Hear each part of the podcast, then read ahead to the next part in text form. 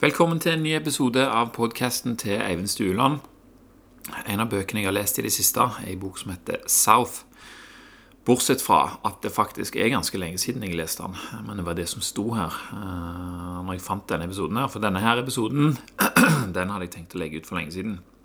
Det står episode nummer 99 på kladden. Men jeg var liksom ikke helt fornøyd med, med denne episoden. For det kom liksom ikke helt igjennom hvordan karakteren til Shackleton var. Og hvordan det påvirka hele mannskapet og ekspedisjonen. da.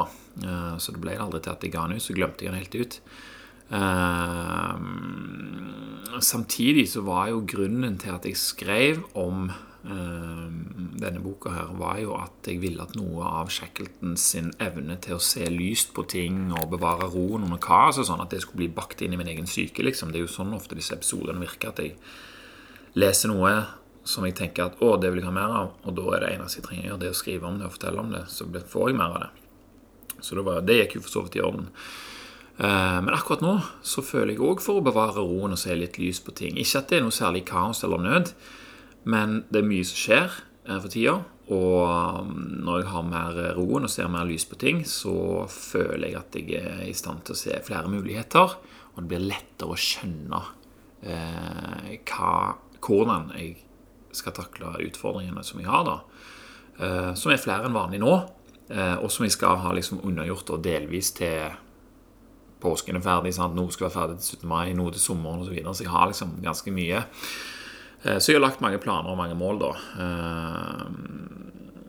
Så jeg kommer jo til å få mye av det, men det vil òg dukke opp ting som spolerer deler av denne planen. sant? Og det er der det kan være greit å følge Shackletons eksempel. Tenkte jeg når jeg kom på denne episoden her, som lå og venta på at jeg skulle ta, ta fatt igjen igjen. da. Ehm, så nå får jeg muligheten igjen til å bake mer av Shackleton sin syke inn i, inn i min egen. Det, det, er ganske kult. Vi kan gjøre dette her når som helst, ser du. Bake deler av personligheter til mennesker som vi beundrer, inn i vår egen. Og det er ganske kult å, å, jobbe med noe som jeg har skrevet for lenge siden, for du vet det er deg. Men det er litt som om det er en annen som har skrevet det. Og noen ganger så kommer du over en sånn en ting som er sånn Oi, var jeg så smart, liksom? Uh, så han, han, som har skrevet det, er jo bokstavelig talt en annen enn altså han som skrev den episoden for lenge siden, er jo en annen enn det jeg er nå. Så det er veldig kjekt å, å, å, å jobbe med det igjen og liksom få et innblikk, tenke tilbake. Så, så nå skal altså denne episoden utbedres av min nåtids-meg, samtidig som min nåtids-meg skal lære av både Shackleton og min tidligere sjøl sine tanker om det han lærte av å skrive denne episoden. Så kanskje hjelper det meg å finne ut hvordan det lønner seg for meg å tenke og gjøre for at alle mine planer skal sammenfalle på en bra måte.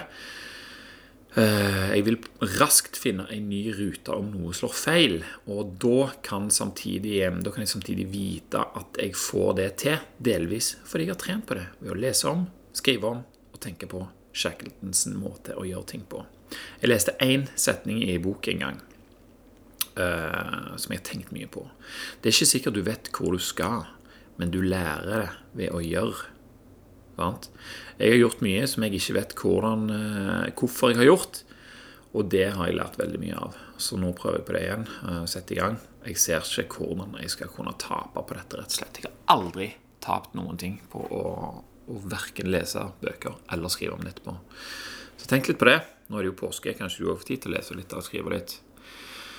Uansett, denne boka her, den handler jo da om Ernest, Ernest Shackletons sitt forsøk på å bli førstemann til å krysse Antarktis. Før Amundsen og Scott nådde Sørpolen, så hadde Shackleton vært der nede og kommet så langt som til 97 miles under Sydpolen. da. Eh, og bare det ble han slått til ridder for. Og, og Shackleton var jo soleklart en helt i England på denne tiden, akkurat som alle andre som reiste for å oppdage fjerne strøk og klare umulige ting var.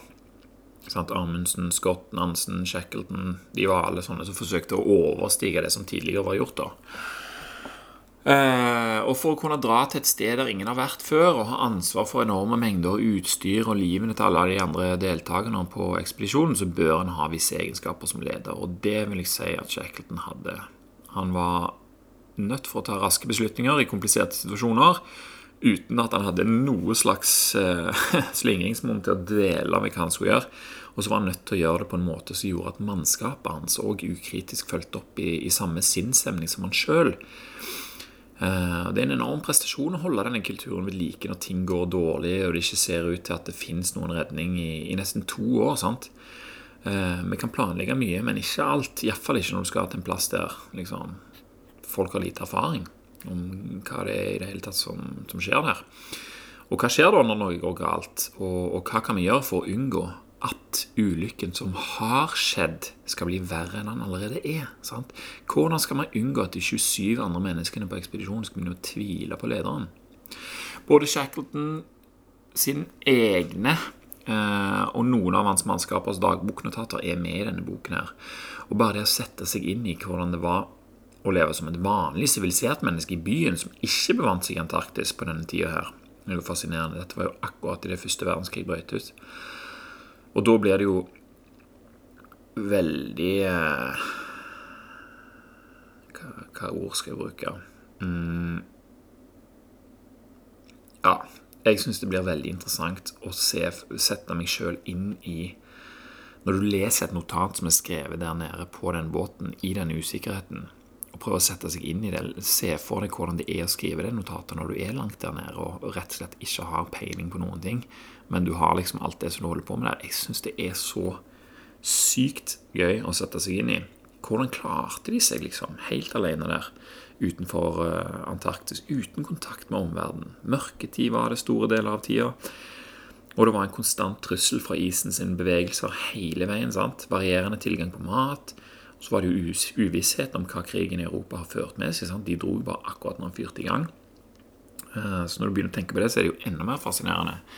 Så blir det jo litt sånn som når du leser Man's, uh, Man's Search for Meaning og Jan Baalsrud, han tolvte mannen, og, og, sånne ting. Vi har ikke så mye klage over her i livet. Og hvis man likevel begynner å synes synd på oss sjøl, så føler vi oss ganske pinglete når vi ser for oss hva disse andre folka har vært igjennom. Liksom. Spesielt i dette tilfellet her, da, når det var tilsynelatende var en sånn en British jolly good-stemning hele veien. sant? Yes, yes, we're on the Antarctica. Liksom, det var liksom skikkelig jolly good English-stemning. Sånn er det iallfall inntrykket fra boka. Uh, og det er veldig nyttig å ha lest det om sånne skjebner, sant? for det gir meg noe å rette meg etter hvis jeg skulle komme i en dårlig situasjon. Sant? Ok, her kan jeg tenke på det. Der satt de nede midt i Antarktis, hadde ikke peiling noen ting, og det var jolly good stemning. Det må vel jeg kunne klare å få til. Sant? Selv om deres hverdag er fjern fra min, så blir det lettere å skjerpe meg og motivere meg til å gjøre de tingene jeg trenger å gjøre for å havne der jeg vil, hvis jeg bruker den uh, metoden der, sammenligningen. For underveis så skjer det ting som endrer alt. sant? Det kan være tungt, men neppe så tungt som når skipet til Shackleton omsider ble knust av isen, som allerede hadde herja med både skipet og psyken til de om bord i ni måneder. Sant? Han fortsatte sporenstreks i en annen retning med samme gode humør og optimisme.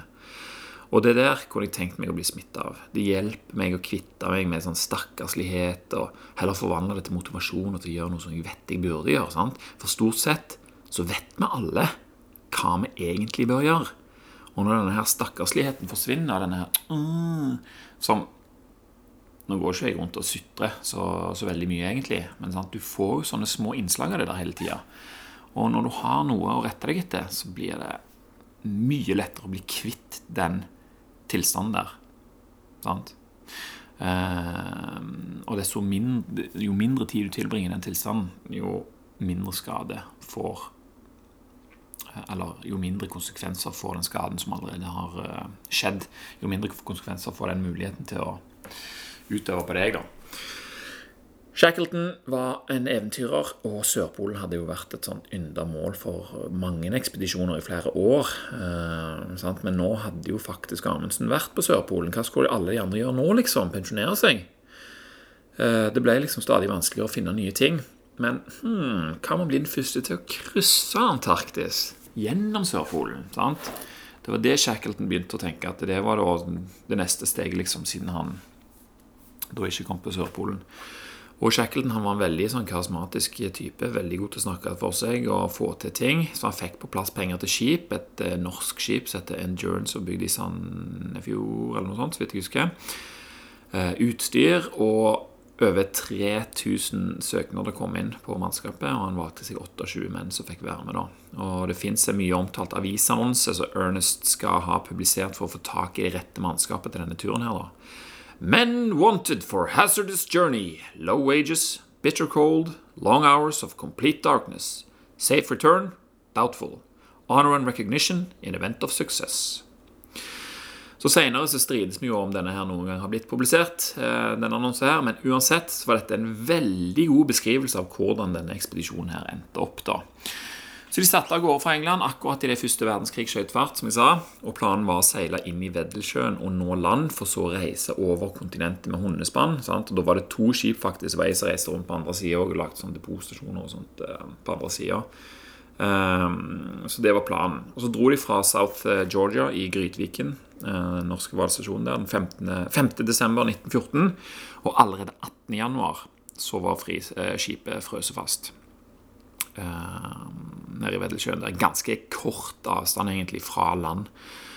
Jeg, jeg, lurer på om det sto at det var én dags seiling fra land, liksom. Men det kom massevis av pakkis og, og, sånne ting som det, og, og, låste fast skipet, så det var ikke noe å, å gjøre med det. Um, men det visste jo ikke de da, så de tenkte at um, at uh, de skulle prøve å hogge isen liksom, og dra skipet videre. Uh, for de regnet jo med at liksom, ok, et par dager en pakke, så drar vi det videre, liksom, og så åpner det seg kanskje igjen, og så kan vi seile inn. Men det skjedde ikke. Så til slutt så fant de bare ut at ok, hvis vi kommer oss ti meter videre på en dag med knallhardt arbeid, og isen har flytta oss 30 eh, km i en annen retning, så er det ikke helt uh, Ikke like lett å motivere seg gjerne til å gjøre det. Så til slutt så bestemte de seg for nei, dette krever altfor mye mat, altfor mye energi og altfor lite resultat. Så da slutta de med det, men det var fremdeles god stemning, optimistisk mannskap. Hele tiden målte de og beregnet de hvor de var, og hvordan tilstanden var, sant? og samla alle mulige slags data. Det var jo en veldig stor del av sånne ekspedisjoner. De målte vær, vind, dybder, skjær, dyreliv over og under vann. Eh, for store deler av verden var jo ennå ikke kartlagt på den tida. Og samtidig så jakta de jo da sel og pingviner, dro på turer for å samle informasjon og, og sånt. da. Dette holdt de på med ute i båten der ute på isen, helt fram til den ble selvfølgelig knust til slutt. Og det tok jo ni måneder før det skjedde. Ni måneder! Altså, bare det er jo vanskelig for oss framtidsmennesker å fatte. Ni måneder på et skip med 28 mann og en skokk med hunder og en katt, så alle skulle ha mat, varme og motivasjon til å fortsette. Shackleton han sørger for at alt dette hele tiden var tilstrekkelig, og boka gir et inntrykk av at eh, karene var ved veldig godt mot, så de bygger hverandre opp eh, voldsomt.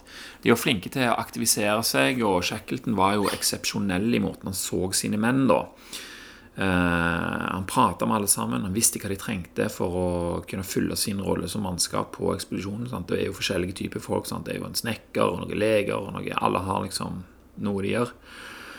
Eh, han kjente alle, og han kjente òg deres behov, og alle kjente han. Så når da båten, som var deres hjem, fullstendig knuses til pinneved av isen og synker, så er det ikke særlig tid til å dvele ved at dette her var jammen meg uflaks og uff, hva skal vi gjøre og sånt.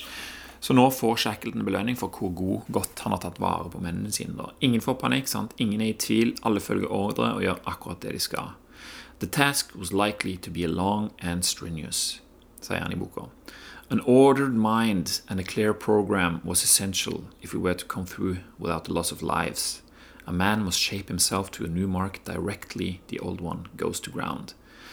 Og akkurat den settingen der, det var den som gjorde at jeg ville lese denne boka. Den, eh, jeg leste den i en annen sammenheng, og så skrev jeg den ned i notatboka mi, som er full av sånne quotes og diverse ting. Den gir mening i seg sjøl, den setningen der, men når vi setter det i sammenheng med hva som var i ferd med å skje med disse karene her, og hvor uviss deres skjebne var, så får den en helt annen verdi. Sant? Altså, Hvor mye har vi å hente på å ta til oss en sånn mentalitet? Hvor mange ganger har ikke vi gjort vondt verre eller utsatt nødvendig handling ved å ønske at ting hadde skjedd annerledes? Sant? Altså Det blir en slags versjon av lotterimentaliteten. Vi ser for oss hva som kunne skjedd annerledes, som hadde ført til at situasjonen vi nå er oppe i, hadde vært bedre. Og tanken er så forlokkende og behagelig at det kan føre oss ut i ubesluttsomhet og apati. Og i mellomtida der så står det som allerede er en katastrofe, i fare for å bli enda verre. sant? Man must shape himself to a new mark directly. The old one goes to ground. Må korte ned det vinduet der det dårlige som har skjedd, får muligheten til å vokse. Så Shackleton de satt da i sving alle sammen med å flytte ut alt på et eh, stort isflak. Sant? Telt, proviant, bikkjer, utstyr, brensel. Katten får den eneste ikke fikk være med, for han hadde ikke noen praktisk betydning. Sant? Og det var, det var bare sånn, det var en av de tingene. Sånn. Ja, alle sammen ut av katten. Nei. Liksom, dum, dum, dum, dum. Det er ikke noe tvil om hva som skal skje nå når, eh, når situasjonen endrer seg. Eh, og når alt var på plass, og folk hadde lagt seg, og så hadde de jo sånne isvakt, selvfølgelig. Og så måtte isvaktene vekke alle sammen, for da begynte isflaket å, å, dele seg. Og så måtte de flytte alt sammen igjen. Alle mann. Hunder, livbåter og utstyr over på et nytt flak. Det er veldig sjelden det går så dramatisk for seg i våre skjerma liv her i, i framtida. Eh, det er liksom noen har i, I natt når jeg var på jobb, så var det noen som hadde slamra meg i dør. liksom. Så en hadde våkna og da ble han så irritert at han ikke har fått sove på en halvtime etterpå. Sånn, der har du liksom oss. Eh, så å tenke på hvordan Shackleton takla sine utfordringer, kan gi oss motivasjon til å ordne opp i det, det, måtte være, det som måtte være vår ulykke i øyeblikket. Sant? Forklart for deg hva som skjer, eller hvis du hele og vet det, da. Hvis du hele og vet hva som skjer, sant? så er du jo klar til å handle, da. Og så må du òg vite hva som er alternativene er hvis noe går galt. Og så må du vite hva ditt ønska resultat er. Sant? Og etter det så kan vi gjøre det som er første logiske skritt i den retningen. Og da er vi i gang. sant? Og det som jeg sa i begynnelsen her, Du vet ikke alltid hvor du skal, men ved å begynne så finner du fort ut av det. Sant? Så med en gang du i det resultatet fra det første skrittet viser seg, så er det mye lettere å øyne det neste. sant? Og det er det som skal ta oss videre. Så vi har jo alle opplevd at eh, ting vi ikke vil skal skje, har skjedd. sant? En gang så tok vinden et garasjetak og blåste det rett inn i bilen mens han var fullstendig knust. Og det var, jeg var så glad i den bilen. Det var den perfekte familiebilen når vi hadde små unger. Ehm, så det var veldig kjipt. Og jeg husker jeg gikk rundt og tenkte sånn Hadde jeg bare parkert et annet sted? liksom, å, Hadde jeg bare holdt meg hjemme? Hadde jeg bare sagt ja til han, at jeg hadde gjort det i dag, så hadde jo aldri dette skjedd. liksom. Det var veldig vanskelig å slå seg til ro med at en har uflaks. Sånn, bilen var smasha, så dekka det ikke forsikring. liksom. Ah! Men man kan heller ikke gjøre det nødvendige med overbevisning før vi har slått oss til ro med det som har skjedd. Sant? Samtidig som det var uflaks at bilen min ble knust, så var det jævlig flaks at det skjedde akkurat da. For fem minutter tidligere så sto jeg akkurat der rett foran den bilen med begge ungene mine på hver sin arm. Sant? Så så snart en innser at en har omsluppet en enda verre skjebne, så blir det mye lettere å forsone seg med det som faktisk har skjedd. Og da er det òg lettere å handle videre. Sant? Da blir det sånn huh, Og godt det bare gikk Det ikke gikk verre. Sammen. Og det var ikke bare Shackleton sin holdning og hans raske og gode beslutninger som berga ekspedisjonen uten tap av liv. Altså, Shackleton var en leder som alle ble glad i og så opp til og han var veldig bevisst sitt ansvar oppi det hele der. Og i Robert Greens sin eh, Laws of Human Nature der får vi vite enda mer om hvordan dette så ut fra Shackletons perspektiv. da. Han kjente som sagt alle i mannskapet sitt godt. Han visste hva de likte, visste hva de trengte å høre. Og når han, når han trengte å, å, berolige den enkelte liksom, Han kunne ta seg sånne runder, liksom. Og det før, førte jo til at alle hadde veldig stor tiltro til The Boss, som han blir kalt. da. Og ved den minste usikkerhet så kunne hvem som helst komme til det boss og få svar og veiledning. Og han hadde alltid svar og veiledning. Han, han, var alltid klar, han. Så kan tenke deg hvor på han var hele denne perioden her. Eh, I og med at han skulle eh, ivareta alle disse andre. Så ved å gjøre det, da, ved å ta vare på mennene sine på denne måten, så var det heller aldri noen fare for mytteri eller dårlig stemning blant gjengen på The Endurance. Shackleton beholdt roen på vegne av de alle, og kunne da nyte et motivert mannskap som utførte ordre og plikter helt uten å mukke. Og på toppen av det hele så er det da et gjennomgående og godt eh, gjennomgående god og humørfull tone blant eh, mannskapet. Sang, lek og moro hjalp godt til på moral. De kledde seg opp når det var søndag og hadde liksom ekstra de kjørte den British style, liksom, selv om de var på et isflak. Liksom, og Enda senere skulle de til og med gjøre det da òg, når tilstanden var enda verre. Eh, så de verste av omstendigheter ble altså krydra av typisk sånn engelsk jolly good humor, som jeg kaller det for. Eh, men etter noen måneder på isflaket, som de hadde håpa skulle føre de nærmere land, så begynte jo det å dele seg opp, og det var på tide å komme seg i havet med de tre livbåtene de hadde med seg fra, fra skipet. Og etter fem, fem eller seks dager i stormfullt farvann med isflak overalt og storm hele veien Jeg har aldri lest ordet gale så mange ganger som i denne boka her. Gale betyr da storm. Eh, så landa de egentlig da som de første menneskene på Elephant Island. Og Shackleton han var jo i sitt ess der òg, så han liksom tenkte at å, første menneske på den øya. Så kasta han bare en av de yngste deltakerne over ripa på land liksom, for at han skulle få skryte av at han var førstemann på den øya. Så han bare sånn kjapt liksom Å, her er det nye øya. Hiver den uti. Men, men den stakkars karen der Han var jo blitt så stiv og lam i løpet av båtturen. Han ble jo bare liggende som en klump i fjæra der og blubb, blubb, uh, før The Boss innså hva som hadde skjedd. da Og som vanlig så ble jo dette her òg gjengitt med sånn lystig britisk tone. Og besetningen kunne en etter en kjenne fast landjord under føttene sine og ta en slurk med vann fra annet enn smelta snø for første gang da på 497 dager. Og det kan jo kanskje høres kult ut i første omgang, men det var ikke noen kosebukt de hadde funnet seg. Det var første og beste. Det var ei lita strand med høye klipper bak, og hele tiden kom det snø og is ramlende ned i leiren. Sant? Så det gjorde det jo ikke til den tryggeste campingplassen. Men det var kanskje bedre enn å være i livbåtene nå. Til havs det var det jo tydeligvis. Eh, og alternativer var det veldig få av. Og mennene de sov jo i relativ sikkerhet for fallende is og snø under båtene sine. da. De var jo blitt vant til knakende is og, liksom sove med et halvt øye åpent eh, kan jeg tenke meg i løpet av de 497 dagene. Så veldig annerledes ble det kanskje ikke. Men de merker jo fort at under snøen som smelta der de lå, så var det jo ikke sånn fin og ren eh, antarktisk eh, sand, men det var jo sånn guff av sel og fugledritt, liksom. Men, men sånn er det å overleve i Antarktis. Det er en annen dimensjon av mormann som mormann. Og er det noen av dere som iblant blir matleie, så kan de jo tenke på at mannskapet stort sett hadde spist selsteik stekt i selspekk på en selfettsovn som brant selfett, helt siden de forlot skipet i isen. Små innslag av chipskjeks fra den opprinnelige provanten ble bare spredd tynnere og tynnere etter hvert som ble mindre av den.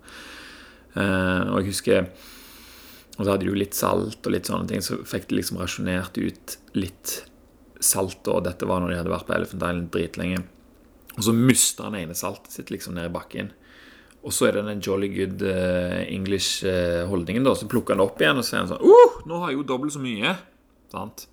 Det var, liksom, det var liksom sånn det var. Uh, Elephant Island var som sagt ubebodd, og det var ingen håp om å bli redda der med det første. Det var jo ingen som visste hvor de var. Uh, så The Boss han gjorde klar den beste av livbåtene sammen med fem menn. Pakka med seg fire ukers proviant og ville seile 800 nautiske mil.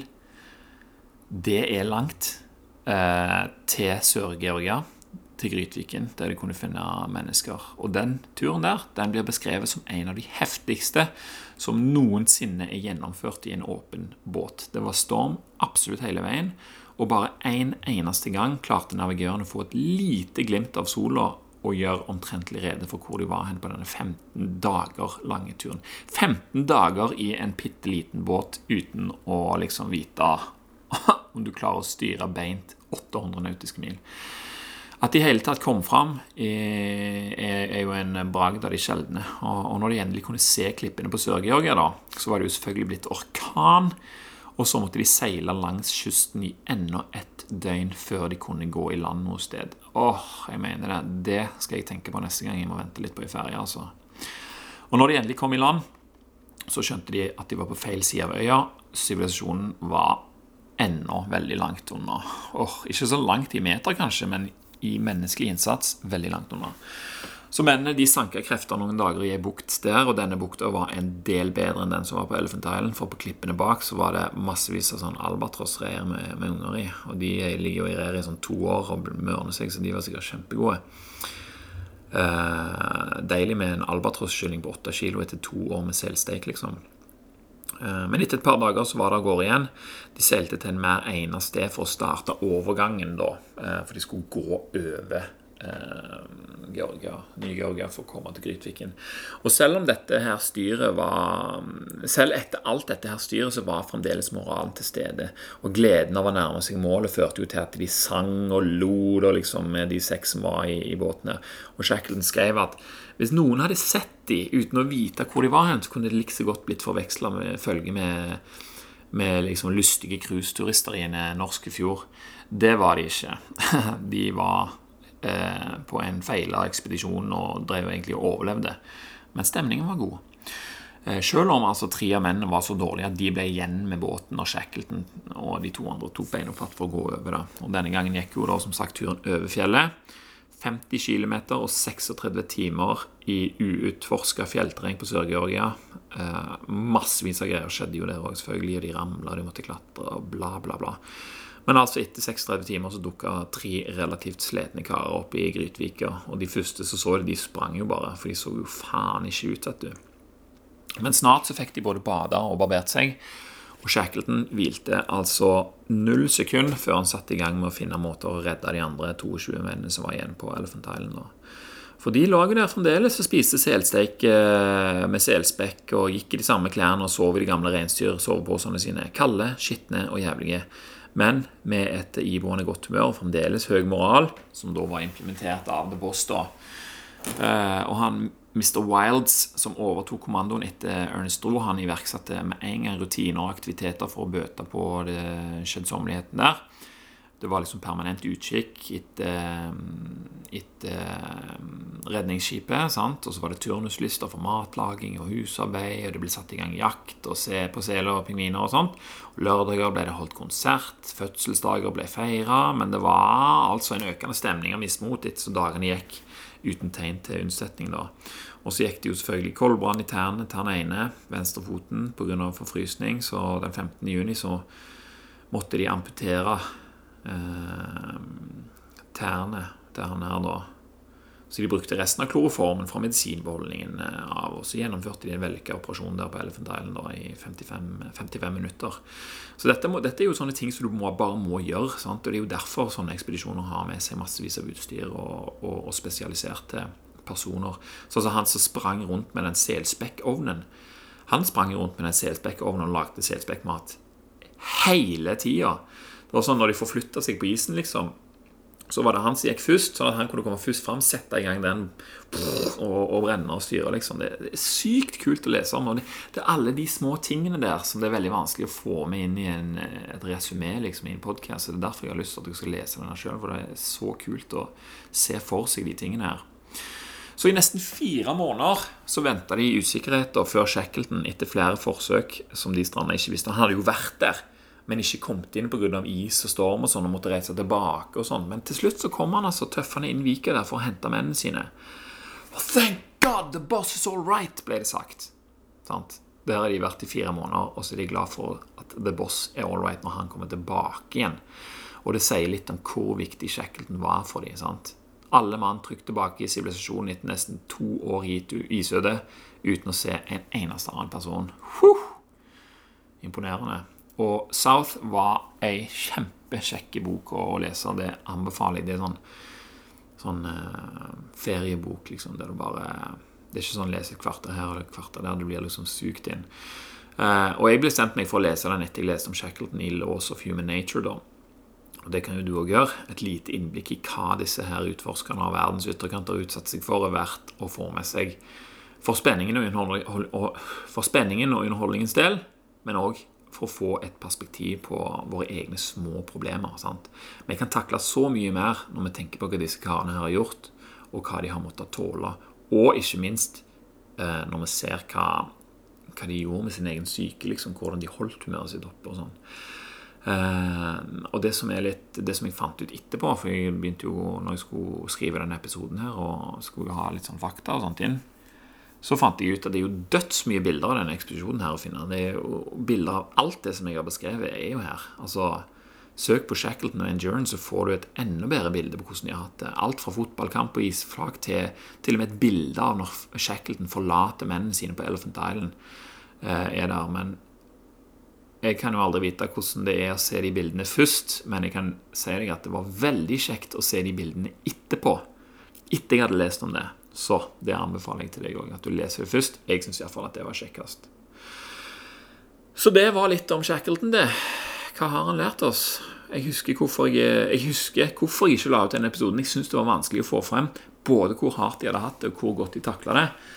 Eh, jeg syns fremdeles ikke jeg fikk helt det til, men jeg, kanskje så fikk du lyst til å lese boka sjøl, og da vil du forstå det. Jeg kjenner jeg er bedre mot nå, når jeg liksom har friska opp mine minner om denne fortellingen, og hvor kjipt det går an å ha det. Og nå mens jeg har jobba med denne her i, i helga, så merker jeg hvor mange ganger når jeg har snakket med kollegene mine, sånn, så, så er det som om jeg liksom blir til Shackleton og liksom prøver å Uten at jeg egentlig tenker over det, så blir det til at jeg prøver å motivere dem. Liksom, ja, 'Se litt sånn på det.' Ja, kanskje sånn. Og liksom Og det er den effekten vi får av å jobbe med, jobbe med en ting. Du, du internaliserer um, egenskapene til det, eller deler av egenskapene til disse folka her, og det er vanvittig kjekt. Så Uansett hvor kjipt det går an å ha det, så får jeg da litt lyst til å ta fatt på det jeg skal gjøre med en sånn jolly good humorous British effort. Så det er akkurat det jeg skal gjøre nå. Jeg skal hjem og plate og isolere et loft, og jeg gleder meg. Og jeg vet at det ikke kommer til å gå til planen, men når det ikke går til planen, så skal jeg likevel være i godt humør. Slå av en vits til meg sjøl og fortsette. Eh, så Så får vi se om du ender opp med å lese denne boka sjøl. Hvis du gjør det, send meg gjerne en beskjed om hva du syns om han. Send meg gjerne en beskjed uansett hva du har i tankene. Jeg har fått noen veldig kjekke mailer i det siste, og det syns jeg er så gøy. Tusen takk til alle dere som tar dere tid til det. Det er ikke alltid svaret kommer med en gang, men det er kun fordi at jeg eh, foretrekker å ha litt god tid når jeg skal svare på de tingene der. Så da vil jeg ha litt sånn, sette meg ned og tenke litt og sånn. Så ikke vær redd for å sende meg en beskjed hvis det er noe dere lurer på, eller noe dere har lyst til at jeg skal for lage en episode om. eller, eller sånne ting. Det syns jeg bare er kjekt. Og med det så sier jeg takk for nå. Takk for meg, og tusen takk til deg som hørte på. Vi snakkes neste gang.